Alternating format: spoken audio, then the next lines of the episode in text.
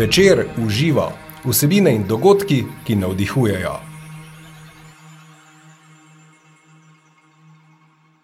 Dobrodošli in dobrodošli v novi epizodi podcasta Večer uživa. O tem, kako poskrbeti za dobro počutje, za radost in notranji mir, ter kako si pomagati, ko nas obidejo senčnejše misli in podobna razpoloženja. O vsem naštetem se bomo torej pogovarjali s prejemnico Cojzovega priznanja, s psihologinjo, dr. Vito Poštovan. Dobar dan, pozdravljeni. Vita, kako ste? Kar v redu, danes nas je pričakal sončen dan, tako da mislim, da se ne moramo pritoževati. Sonce nas res zmeraj spravi v dobro voljo, kaj ne? Uh, jaz mislim, da, bi, da zato ne rabite biti psiholog, ne, zato da uh, tako ugotovite, da vodate. Pravzaprav nas veliko krat uh, ravno ta vreme zelo vpliva na naše vsakodnevno razpoloženje. Je pa res, da verjetno ne vpliva na tiste zelo globoka občutja od nas, ja. kakšni smo mi v, v, v, resnici ali pa kako sami sebe vidimo. Ne? Na to uh, vreme mislim, da nima vpliva, ampak na tiste mogoče vsakodnevne uh, malenkosti, tisto nihanje razpoloženja, kot, uh, kot ga čez teden opazimo, na to pa sigurno ima nek vpliv. Ja. Iskrene čestitke za Cojzovo priznanje, ki ste ga jeseni prijeli za uspešno strokovno delo na področju preprečevanja samomorilnosti. Tokrat bova to temo zaobšli in se posvetili nekim svetlejšim vsebinam. In ker smo že ravno začeli s sončnim vremenom, predlagam, da nadaljujeva s pomladjo, ta je zdaj pred vrati e, in je pregovorno čas življenja, optimizma. Hkrati pa tudi ni redko, e, da se ravno spomladi kar nekaj ljudi počuti melankolično, nekateri rečejo, da so celo depresivni. Vida, povejte, zakaj se to dogaja ravno spomladi? Hmm. Ja, sicer so rekli, da se na samomorilno vedenje ne bo kaj preveč navezali, ampak tukaj bi se mogoče. Zato, ker, um, zanimivo je, da si predstavljamo ravno tako, kot ste rekli, ne pomlad, en tak čas življenja, vse se prebuja, vsi smo bolj, ali pa večina ljudi je tako, ne, več energije ima. Um, ampak recimo študije konsistentno skozi leta in tudi na različnih delih sveta kažejo v bistvu podobno, da se recimo v tem pomladnem času število samomorov naraste. Največ jih imamo tudi pri nas ravno v tem letnem času. Um, in seveda. Čisto točnih znanstvenih razlag, žal, še vedno nimamo, tudi za, za, za razumevanje tega fenomena. Ampak verjetno gre eno izmed um, razlag v to smer, uh, da je sonce tisti vir nekih, uh, neke energije, toliko hormoni, verjetno drugače funkcionirajo, da je tudi to eden izmed uh, dodatnih razlogov, da ljudje pač pomislijo na samomor. Uh, zelo pomembno pa je tudi to, ne, da mi veliko krat, recimo, če smo zelo depresivni, vidimo druge, kako se zdaj vsi so aktivni, pa vsi nekaj športajo, pa vsi nekaj delajo. Uh, Um, mi pa tega ne zmoremo. In je ta razkorak med nami, depresivnimi, da tako rečem, in tistimi drugimi, ki so vse splošno aktivni, postane veliko večji ali pa veliko vidnejši, kot je to mogoče v zimskih mesecih, kjer smo mogoče, bom rekla, vsi malo zavlečeni, vsi malo več noter, ne, mrzlo je, normalno je to. Uh, in ta razkorak v bistvu je eden izmed razlogov, zakaj ljudje v bistvu včasih doživljajo to tesnobo ali pa depresijo še bolj močno, kot je v resnici. Tako da uh, ta kombinacija in sončne energije, torej hormonskih sprememb, ki se dogajajo v tem času, in tudi te, tega razkoraka, torej prinese do tega, ne, da zdaj mogoče se jaz slabše vidim sebe, kot pa bi sicer. Tako da ja, ne bi pa rekla, uh, vsak, pravzaprav, prej smo govorili o vremenu, pa moram, mogoče se lahko tudi to navežem. Ne, Um, na nas veliko krat ne samo vpliva, uh, bom rekla, ali slabo vreme ali dobro vreme. Na ljudi najbolj ponovadi vplivajo spremembe vremena. Ne, te mhm. spremembe so se ugotovile kot tiste, ki jih, seveda, tako kot vse spremembe, malo težje, um, bom rekla, zaznavamo, ne, se jim prilagodimo. E, in ponovadi, kadar pride do teh sprememb, takrat je v bistvu tudi v razpoloženju ljudi največ takih uh, vidnejših sprememb. Ne se tudi ljudje rečejo, da ja, ne pričakujemo slabo vreme, me že malo trga v kosteh, da tako rečem. Ne? Kakorkoli, mogoče je ta v pogovoru se zrcali ena skrivnost, pravzaprav tega tudi, kako se doživljamo. Ne? To nihanje razpoloženja in uh, dejstvo, da se znajdemo tudi v nekih senčnejših uh, obdobjih, da, imamo, da nas obidejo neke temnejše misli in občutja. To vse je naravno, ne? tega se nam v resnici ni treba bati. Ne? Ne, gotovo so uh, tako tiste bolj neugodna čustva, kot ugodnejša čustva. Ne, jaz jih na ta način poskušam uh, poimenovati, da niso negativna in pozitivna. Ne. Uh, imajo svojo funkcijo. Mi, če ne bi imeli na nek način, če ne bi občutili, da je žalosti, ne bi verjetno občutili veselja. Ne? Na nek način morata biti ta dva pola.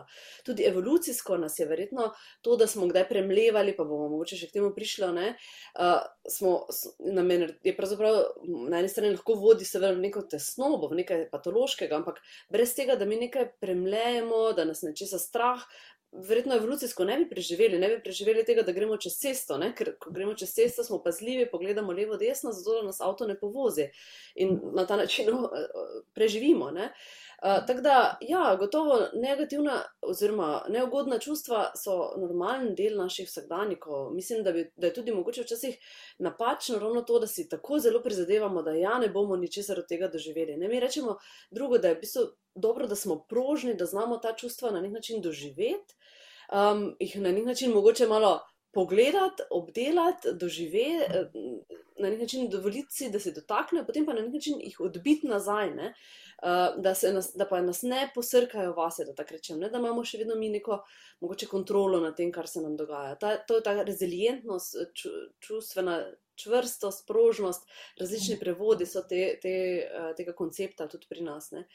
Uh, tako da gotovo bi jaz rekla, da um, mogoče kar nas še tako uvira pri tem, ne, da bi pravzaprav lahko mogoče boljše sprejemali taka čustva, je tudi ta uh, v današnji dobi pač ta, ta pojav socialnih medijev, ker se pač na, na bom rekla, profilne slike socialnih medijev ne dajemo nekih naših najslabših uh, fotografij. Eh, ne se ne prikazujemo v tej najslabši luči ali v najslabših razpoloženjih. Tudi če kdo takšen zapis da, ponovadi da z neko naracijo, neko, z neko zgodbo, ki pač potem vseeno nekako uh, ima odziv ljudi, pa je to tisto, kar si želijo. Se pravi, hočem reči, da veliko krat pravzaprav tudi ta neugodni del nas samih sebe skrivamo, uh, ne živimo naj, najbližjim, včasih težko priznamo. Da smo v nekih takih občutkih, kaj šele celemu drugemu širnemu svetu. Tako da, uh, mogoče je ravno zato pomembno, da pravzaprav spregovorimo o tem in da rečemo, da je to čisto v redu, ampak da je pač mogoče namen tega, da zdržimo tudi takšno obdobje. Ne? To, da pa življenje prinese pozitivne stvari, lepe stvari, pa tudi veliko takih težkih stvari, je pa verjetno normalen življenjski ciklus. Ne moremo se izogniti temu, da če se takega ne bomo doživeli. Ne? Kdaj pa je vendarle prav, da poiščemo pomoč, ko gre za doživljanje nekih neugodnih, senčnejših občutij in čustev? Um, Zagotovo bom rekla tako, ko imate obdobje, da se recimo teden, dva, sploh če že dva tedna, ne morejo ljudje malo nasmejati, ne vidijo lepih stvari. Ne? Ker tako sem rekla, te negativne stvari bodo se zgodile, tudi lepe stvari se bodo v življenju zgodile, ampak verjetno je teh velikih stvari, bom rekla, tako časi za na prste preštetne. Vse ostalo so manjše stvari, ki jih v življenju lahko opazimo ali pa ne opazimo. Ne? Lahko spijemo, bom rekla, eno kavo zjutraj, tako da sploh ne vemo, kakšnega kusa je, lahko pa se mogoče te kave posvetimo ne, pa uživamo v njej. Uh, pa mogoče to zveni zelo banalno. Zelo banalno zveni za nekoga, ki je mogoče včeraj nekoga izgubil, pa uh, ne, zelo težko zdaj procesira kaj takega. Ampak uh, za mogoče nek normalen vsakdanjik, če se naš um natrenira na take majhne stvari, jih bomo tudi v težkih trenutkih lažje opazili. Da, če se vrnem, kdaj je tisto, kadar zares je fino, da nekomu zaupamo stisko. Torej, kadar imamo mogoče dva tedna takšna, da res sta težka, pa uh, to ne pomeni, da smo zdaj pred tem, recimo, ravno nekoga izgubili, ne? ker tam ne, tako je je normalno. Ne? Ampak tudi recimo, v fazah žalovanja, ne, s tem se tudi jaz veliko ukvarjam, ne, vemo, da uh, žalovanje se od depresije ravno razlikuje po tem, da v, v žalovanju mi zmoremo se tudi nasmejati. Ne se, se spomnite, kakšna sedmina, ker pravzaprav se potem obujamo spomine, pa se spomnimo, da je to naredilo, pa je tako bilo, pa je v bistvu to nas poveže, da nek občutek hvaležnosti, da smo mogoče tako osebo imeli ob sebi. Uh, tako da tudi žalovanje ima tiste, bom rekla, mogoče malo svetlejše trenutke. Ne medtem, ko če smo v eni hudi depresiji, bomo verjetno um, zelo težko se čemorkoli nasmejali. Ne? Tam pa mogoče zelo jemljemo vse osebno, uh, zelo težko se nekako, uh, bom rekla, vidimo širšo sliko nekega dogodka ali pa kar, karkoli se nam pravzaprav dogodi v življenju. Um, in take situacije pa so tiste, kjer je fino, da ne samo zaupamo mogoče najbližjemu, ampak tudi da poiščemo neko strokovno pomoč. Ker uh, vprašanje, mislim, dobro, tudi depresija lahko mine sama po sebi, ampak uh, mislim, da bo kvaliteta življenja in tudi čas, kako dolgo bo trajalo tako obdobje, veliko daljši in uh, je veliko bolj učinkovito, da si pač ljudje potem tudi poiščejo neko strokovno pomoč. Omenjate torej um in to, kako ga natreniramo, da v stvarih prepoznava neko svetlejšo plat. Kako se torej naučiti take, če lahko rečem, pozitivne drže do življenja? Mm. Zdaj, jaz izhajam, uh, jaz sem sama uh, kot psihologinja, imam dodatno, ne, se pravi, izobrazbe iz evidensko-kognitivne terap terapevtske smeri, pa potem še na človečnosti temelječe kognitivne ja. terapije. Da, moja usmeritev bo sigurno bi šla v to smer, uh, da naša pozornost igra veliko vlogo v tem, kako bi se mi naš vsakdanjik zaznavamo. Se pravi, če bom jaz torej zaznala v teh majhnih stvarih neko vrednost, mi bo lažje v življenju. Zdaj, kako se tega naučiti? Ne? Pravzaprav je tukaj najbolj pomembna ta dnevna praksa tega, da to vadimo. Eh, vsi poznamo ta fenomen, ko se peljemo iz ene točke na drugo točko. Če nas vpraša, kako smo, ne, kdo, kako smo zdaj potovali od te točke A do B, ne vemo. Ne. Um je odtaval, je šel po svoje, tuhtali smo vse, odkar se je zgodilo, ne vemo kdaj, ne, desetletja nazaj, do tega, kar, bilo, kar se bo jutri ali pa ne vem, čez desetletja. Um, nismo, pa, nismo pa videli, da je bil en krasen sončni shod pred nami, nismo videli, da mogoče je kakšna dežna kaplja posebej lepo pot uh, po okenski šipi naredila. Ne? Se pravi, te majhne stvari, ki so pa bile tam in mogoče, uh, ki bi nas v teh drobnih stvarih lahko malo osrečile, mogoče dale malo kvali do večjo kvaliteto. Um, se pravi, uh, res je potrebno, um, ena, ena prigoda pravi, ne, da uh, imamo mi v sebi dva volka, ne, tistega nekega takega, ki je bolj osredotočen na negativne stvari, pa tistega na pozitivne. Ne, in mislim, da je to neki indijski pregovor, ne, ker vnuček vpraša tega svojega uh, detka. Eh, katerega volka, kateri volk bo preživel, ne, kateri bo zmagal to našo notranjo bitko. Ne, in reče, dedek, tistega, ki ga hranimo. Ne. Se pravi, sistem, uh, ki ga, ki, na katerem v bistvu več pozornosti posvečamo, ne, ki ga namenjamo, pravzaprav to pa je v naši kontroli. Ne. To, to mogoče včasih se zdi, da čustva, vrteljak čustev nas seveda potegne v neko doživljanje. Ne, včasih je zelo težko izstopiti iz tega. Ampak zato, ne, ker tudi, če, nam, če smo zelo slabe volje, pa nam nekdo reče, da se že malo razvedri, pa boljše volje bodi bomo še samo slabše volje, to ne deluje. Ne? Se pravi, ta fokus na sama čustva je zelo težko obrniti. Veliko lažje je, če mi v bistvu, uh, ker ob teh čustvih mi vedno doživljamo neke misli, ne vedno nekaj razmišljamo zraven. Um, ali, in pa tudi nekaj naredimo, vedemo se, se pravi, imamo ta trikotnik vse čas pred sabo, ne? čustva, misli in vedenje. In zdaj, če jaz nekaj drugega naredim, se pravi, um, mogoče že če se jaz pretegnem, že vdihnem, ne, že s tem vemo, da lahko mogoče svoje doživljanje spremenim. In pa na drugi strani, če jaz drugače razmišljam, ne, če jaz to situacijo lahko, da bom rekla, v sebi pritobrnem ali pa vidim malo oddaljeno sliko. Ali pa mogoče, tako kot smo prej rekli, v nekih malenkostih najdem neko, neko drugo sporočilnost. Ne? Uh, to so tiste stvari, ki bodo potem torej situacijo iz nekega bolj neugodnega doživljanja obrnile v malo bolj uh, pozitivno. Mogoče, uh, in torej to vplivanje na, ču, na čustva je zelo težko, na misli in na vedenje, tukaj pa imamo več kontrole. Um, če tudi se včasih zdi, da pač, ko smo v tem torej vrteljaku čustev, tudi negativnih, ne? Da, ne? da smo nekako. Uh, Ne, kaj bi pa naredili, nimaš drugega, kot lahko, mogoče samo greš spat, pa upaš, da se boš drugi dan ne boš z tisto levo nogo zbudil. Uh, ampak ni tako. Tako, tako. marsikaj imamo v, v možnosti, da si pomagamo, ampak je pa res, da je tudi treba to ozavestiti. Um, bom rekla, treba je mogoče vaditi te stvari prej, ko nismo v taki hudi stiski, zato da se spomnimo takrat, da mogoče si lahko tudi danes jaz pomagam s tem, kar sem se naučil v tistih manjših, bolj neutralnih situacijah. Verjetno marsikdo od nas pozna uh, koga, ki vse čas nerga, je nezadovoljen, se pritožuje. Eh, rečemo jim, da so nekateri ljudje uh, večni nergači. Pa me zanima, Vita, so res ljudje, ki se uh, nikakor, nikoli ne morejo spremeniti. Zdaj mislim te večne nergače, recimo. Verjetno, verjetno je tako, ne, da neke osebnostne lastnosti pač imamo. Ne, rečemo jim lastnosti, zato ker so nekaj malo bolj trajnega kot samo tisto razpoloženje. Ne, razpoloženje načeloma se spreminja dosti hitro. Um, moja izkušnja je, bom tako odgovorila, da ljudje, ko, so, ko čutijo, da so v veliki stiski, takrat so se pripravljeni spremenjati. Ja. Če pa pravzaprav vam tudi vaša, mogoče malo taka narava negodovanja, pravzaprav ustreza, pa v življenju vam nič ne manjka tako zelo, ne. Um, pa verjetno tudi ni neke take strašne notranje motivacije, da bi se spremenjali. Ne? In v takih primerih, seveda, ljudje verjetno ne bodo, kako bi rekla, delali tako zelo na sebi, da bi tudi te vidike spre, spremenili.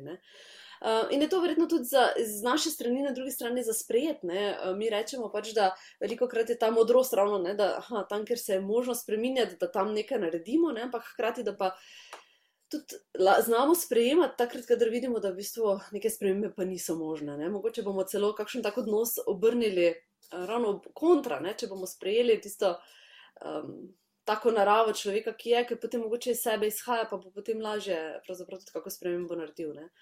Um, v psihologiji poznamo en, en uh, fenomen polarizacije. Se to, se, to se vidi zdaj pri posameznikovih uh, odnosih, ne? mislim, naših medosebnih odnosih, pa tudi na ravni družbe. Bolj kot v bistvu uh, mi silimo nekoga v nekaj, bolj se bo polariziral in bo pravzaprav stopil na drugo stran.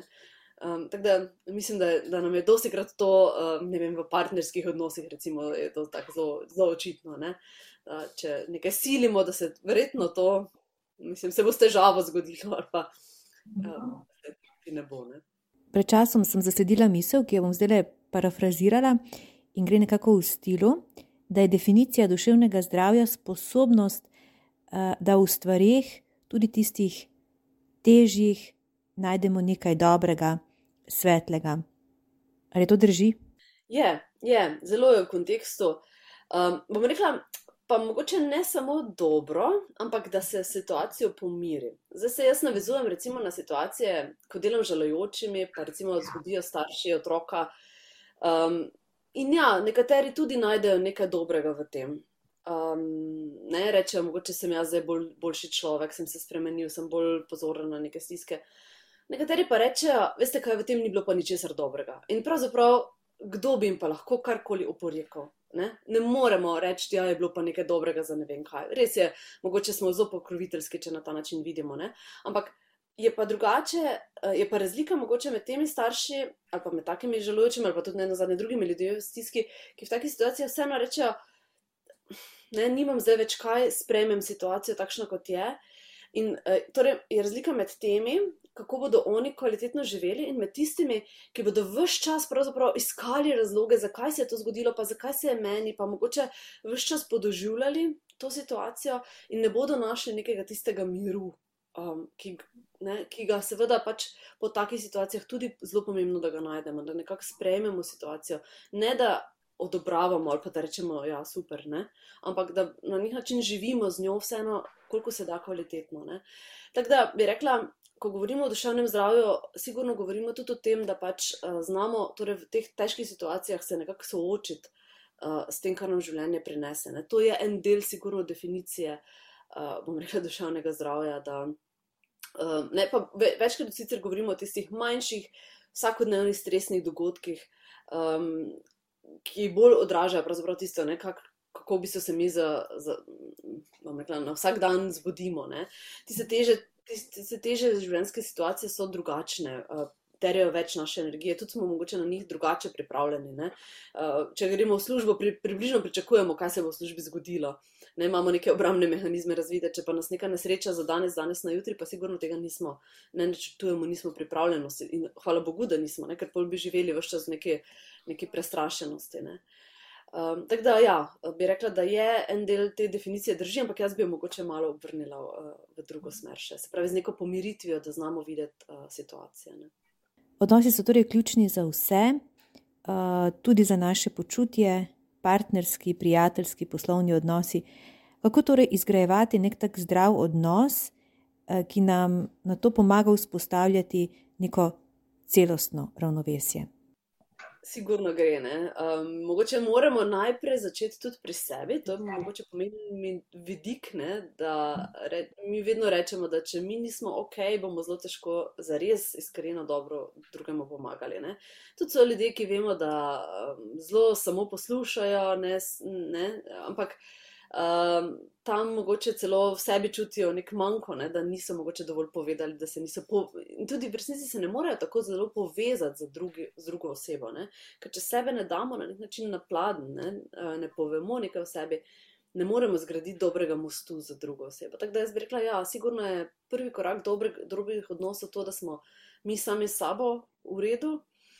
Um, ne, zdaj pa, da bi imela magično palčko tukaj, da bi vam rekla, da so zdaj deset zapovedi, kako vzdrževati odnose. Vemo, da na to temo uh, je tisoče knjig, tisoče razprav. Uh, je pa res, da po mojem izkušnju, če izhajamo iz nekega prijateljskega, prijaznega uh, odnosa, ne, da je to tisto naše vodilo do sebe, pa potem tudi do drugih, nekaj tudi to, kar do sebe delamo ali, ali pa do drugih, pravzaprav eno z drugim se zrcali. Ne? Če smo zelo kritični do sebe, bomo verjetno tudi do drugih in obratno.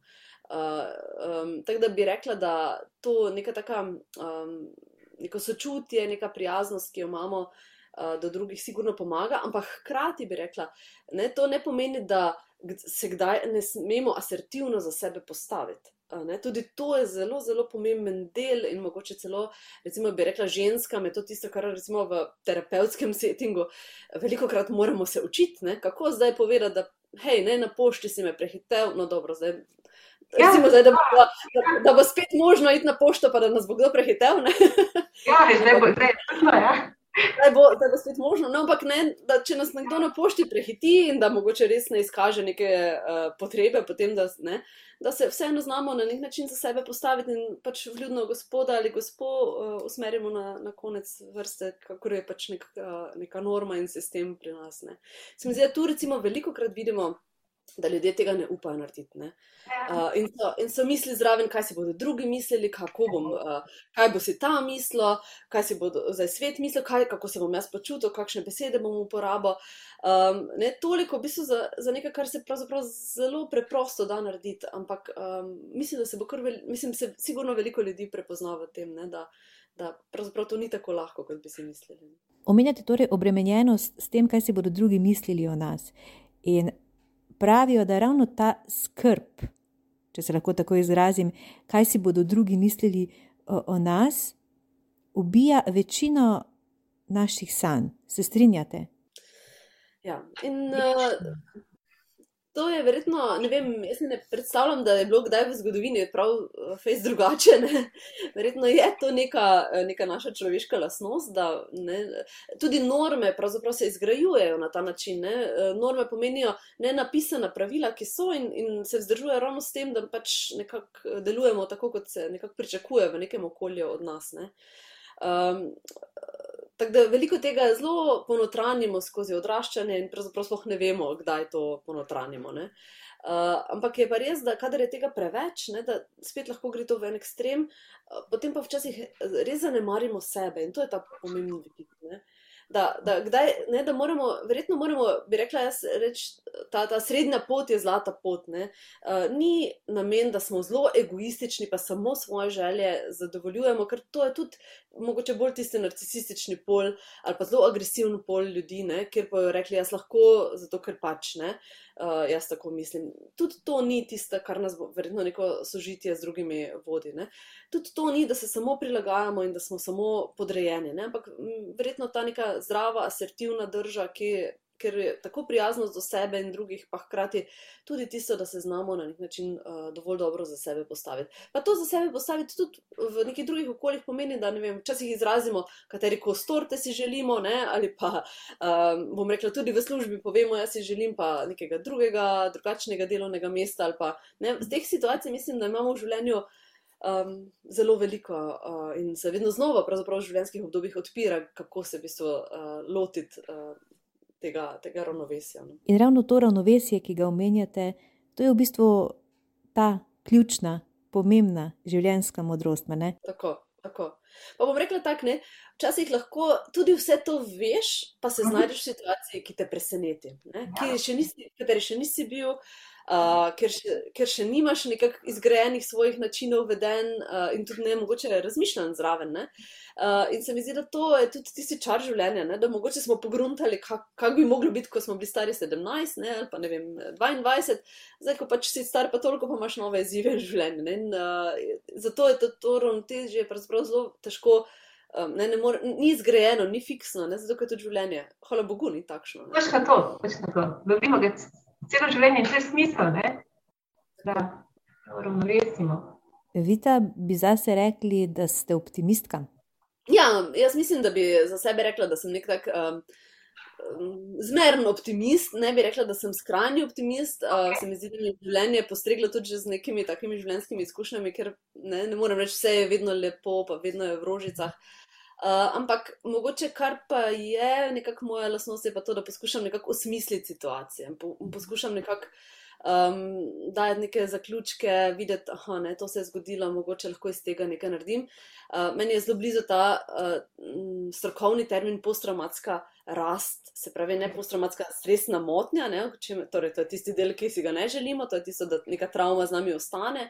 Ampak posttraumatska rast, se pravi, ja, življenje ti bo prineslo, nam bo prineslo verjetno neke teže življenjske situacije, ampak um, lahko, kaj lahko jaz iz tega mogoče za sebe potegnem? Uh, in se mi zdi, da um, ja, če take koščke, uh, takih smisli, smiselnosti najdemo, uh, ali pa vse jaz moram reči, da sem jih v nekih takih situacijah, potem je lažje. No? Uh, ne, da je vedno sončno in vedno samo si je sonce, ne? ampak um, ja, uh, vemo pa, da je nekje tudi za dežjem Maurica. Ne? Moto naših podkastov in dogodkov je vsebine in uh, sogovorniki, ki navdihujejo. Vidite, kaj vas v življenju navdihuje, kaj vam razpira krila verjetno tudi materinstvo. Res je, to je sigurno ena izmed tistih stvari, ki um, vsak dan prinese nove izzive, ampak tudi um, veliko sreče in uh, srčnosti, bom rekla. Uh, Pa mislim, da je kar veliko stvari, ki bi jih lahko naštela. No? Uh, od tistih manjših, da lahko prebereš eno mogoče lepo misel ali pa lepo pesem vsak dan. Um, uh, ko se peljem uh, recimo na radio in poslušam jutranje uh, pesmi na radio Ars, recimo, uh, se mi zdi, da ne, to je tako en moj ritual, ki ga poskušam ujeti. Um, ampak eh, odpira mi krila, sigurno, mislim, to mi je skozi življenje to, da sem lahko šla v svet. Ne? To se mi zdi, da je ena izmed mojih uh, takih strasti. Uh, iti svet, potovati, videti druge kulture, uh, nekako biti odprta za to, kar sporočajo. Se mi zdi, da to um, mi je vedno prinašalo neka, nek način, da sem se mogoče sama sebe reflektirala, pa tiste stvari, ki mogoče, o katerih jaz razmišljam. Tako da bi rekla, da je to ena stvar. Ampak Mogoče uh, je to recimo tudi v tej življenjski situaciji, ne, ker, ker smo se zdaj znašli, uh, je bilo postavljeno pod izziv, pa se mi zdi, da je toliko drugih stvari, ne toliko stvari v nekih medosebnih odnosih, ki te veselijo, um, da je pravzaprav tudi v teh se najde veliko lepega. In, uh, zelo uh, nesrčnega in takega, ki ti da energijo za vsak dan. Več informacij o podcastih in dogodkih večer v živo najdete na večer.com pošiljnica v živo in na Facebook strani večer v živo. Tudi tokrat sem bila z vami, Maja Furman. Srčno in srečno, dok malu.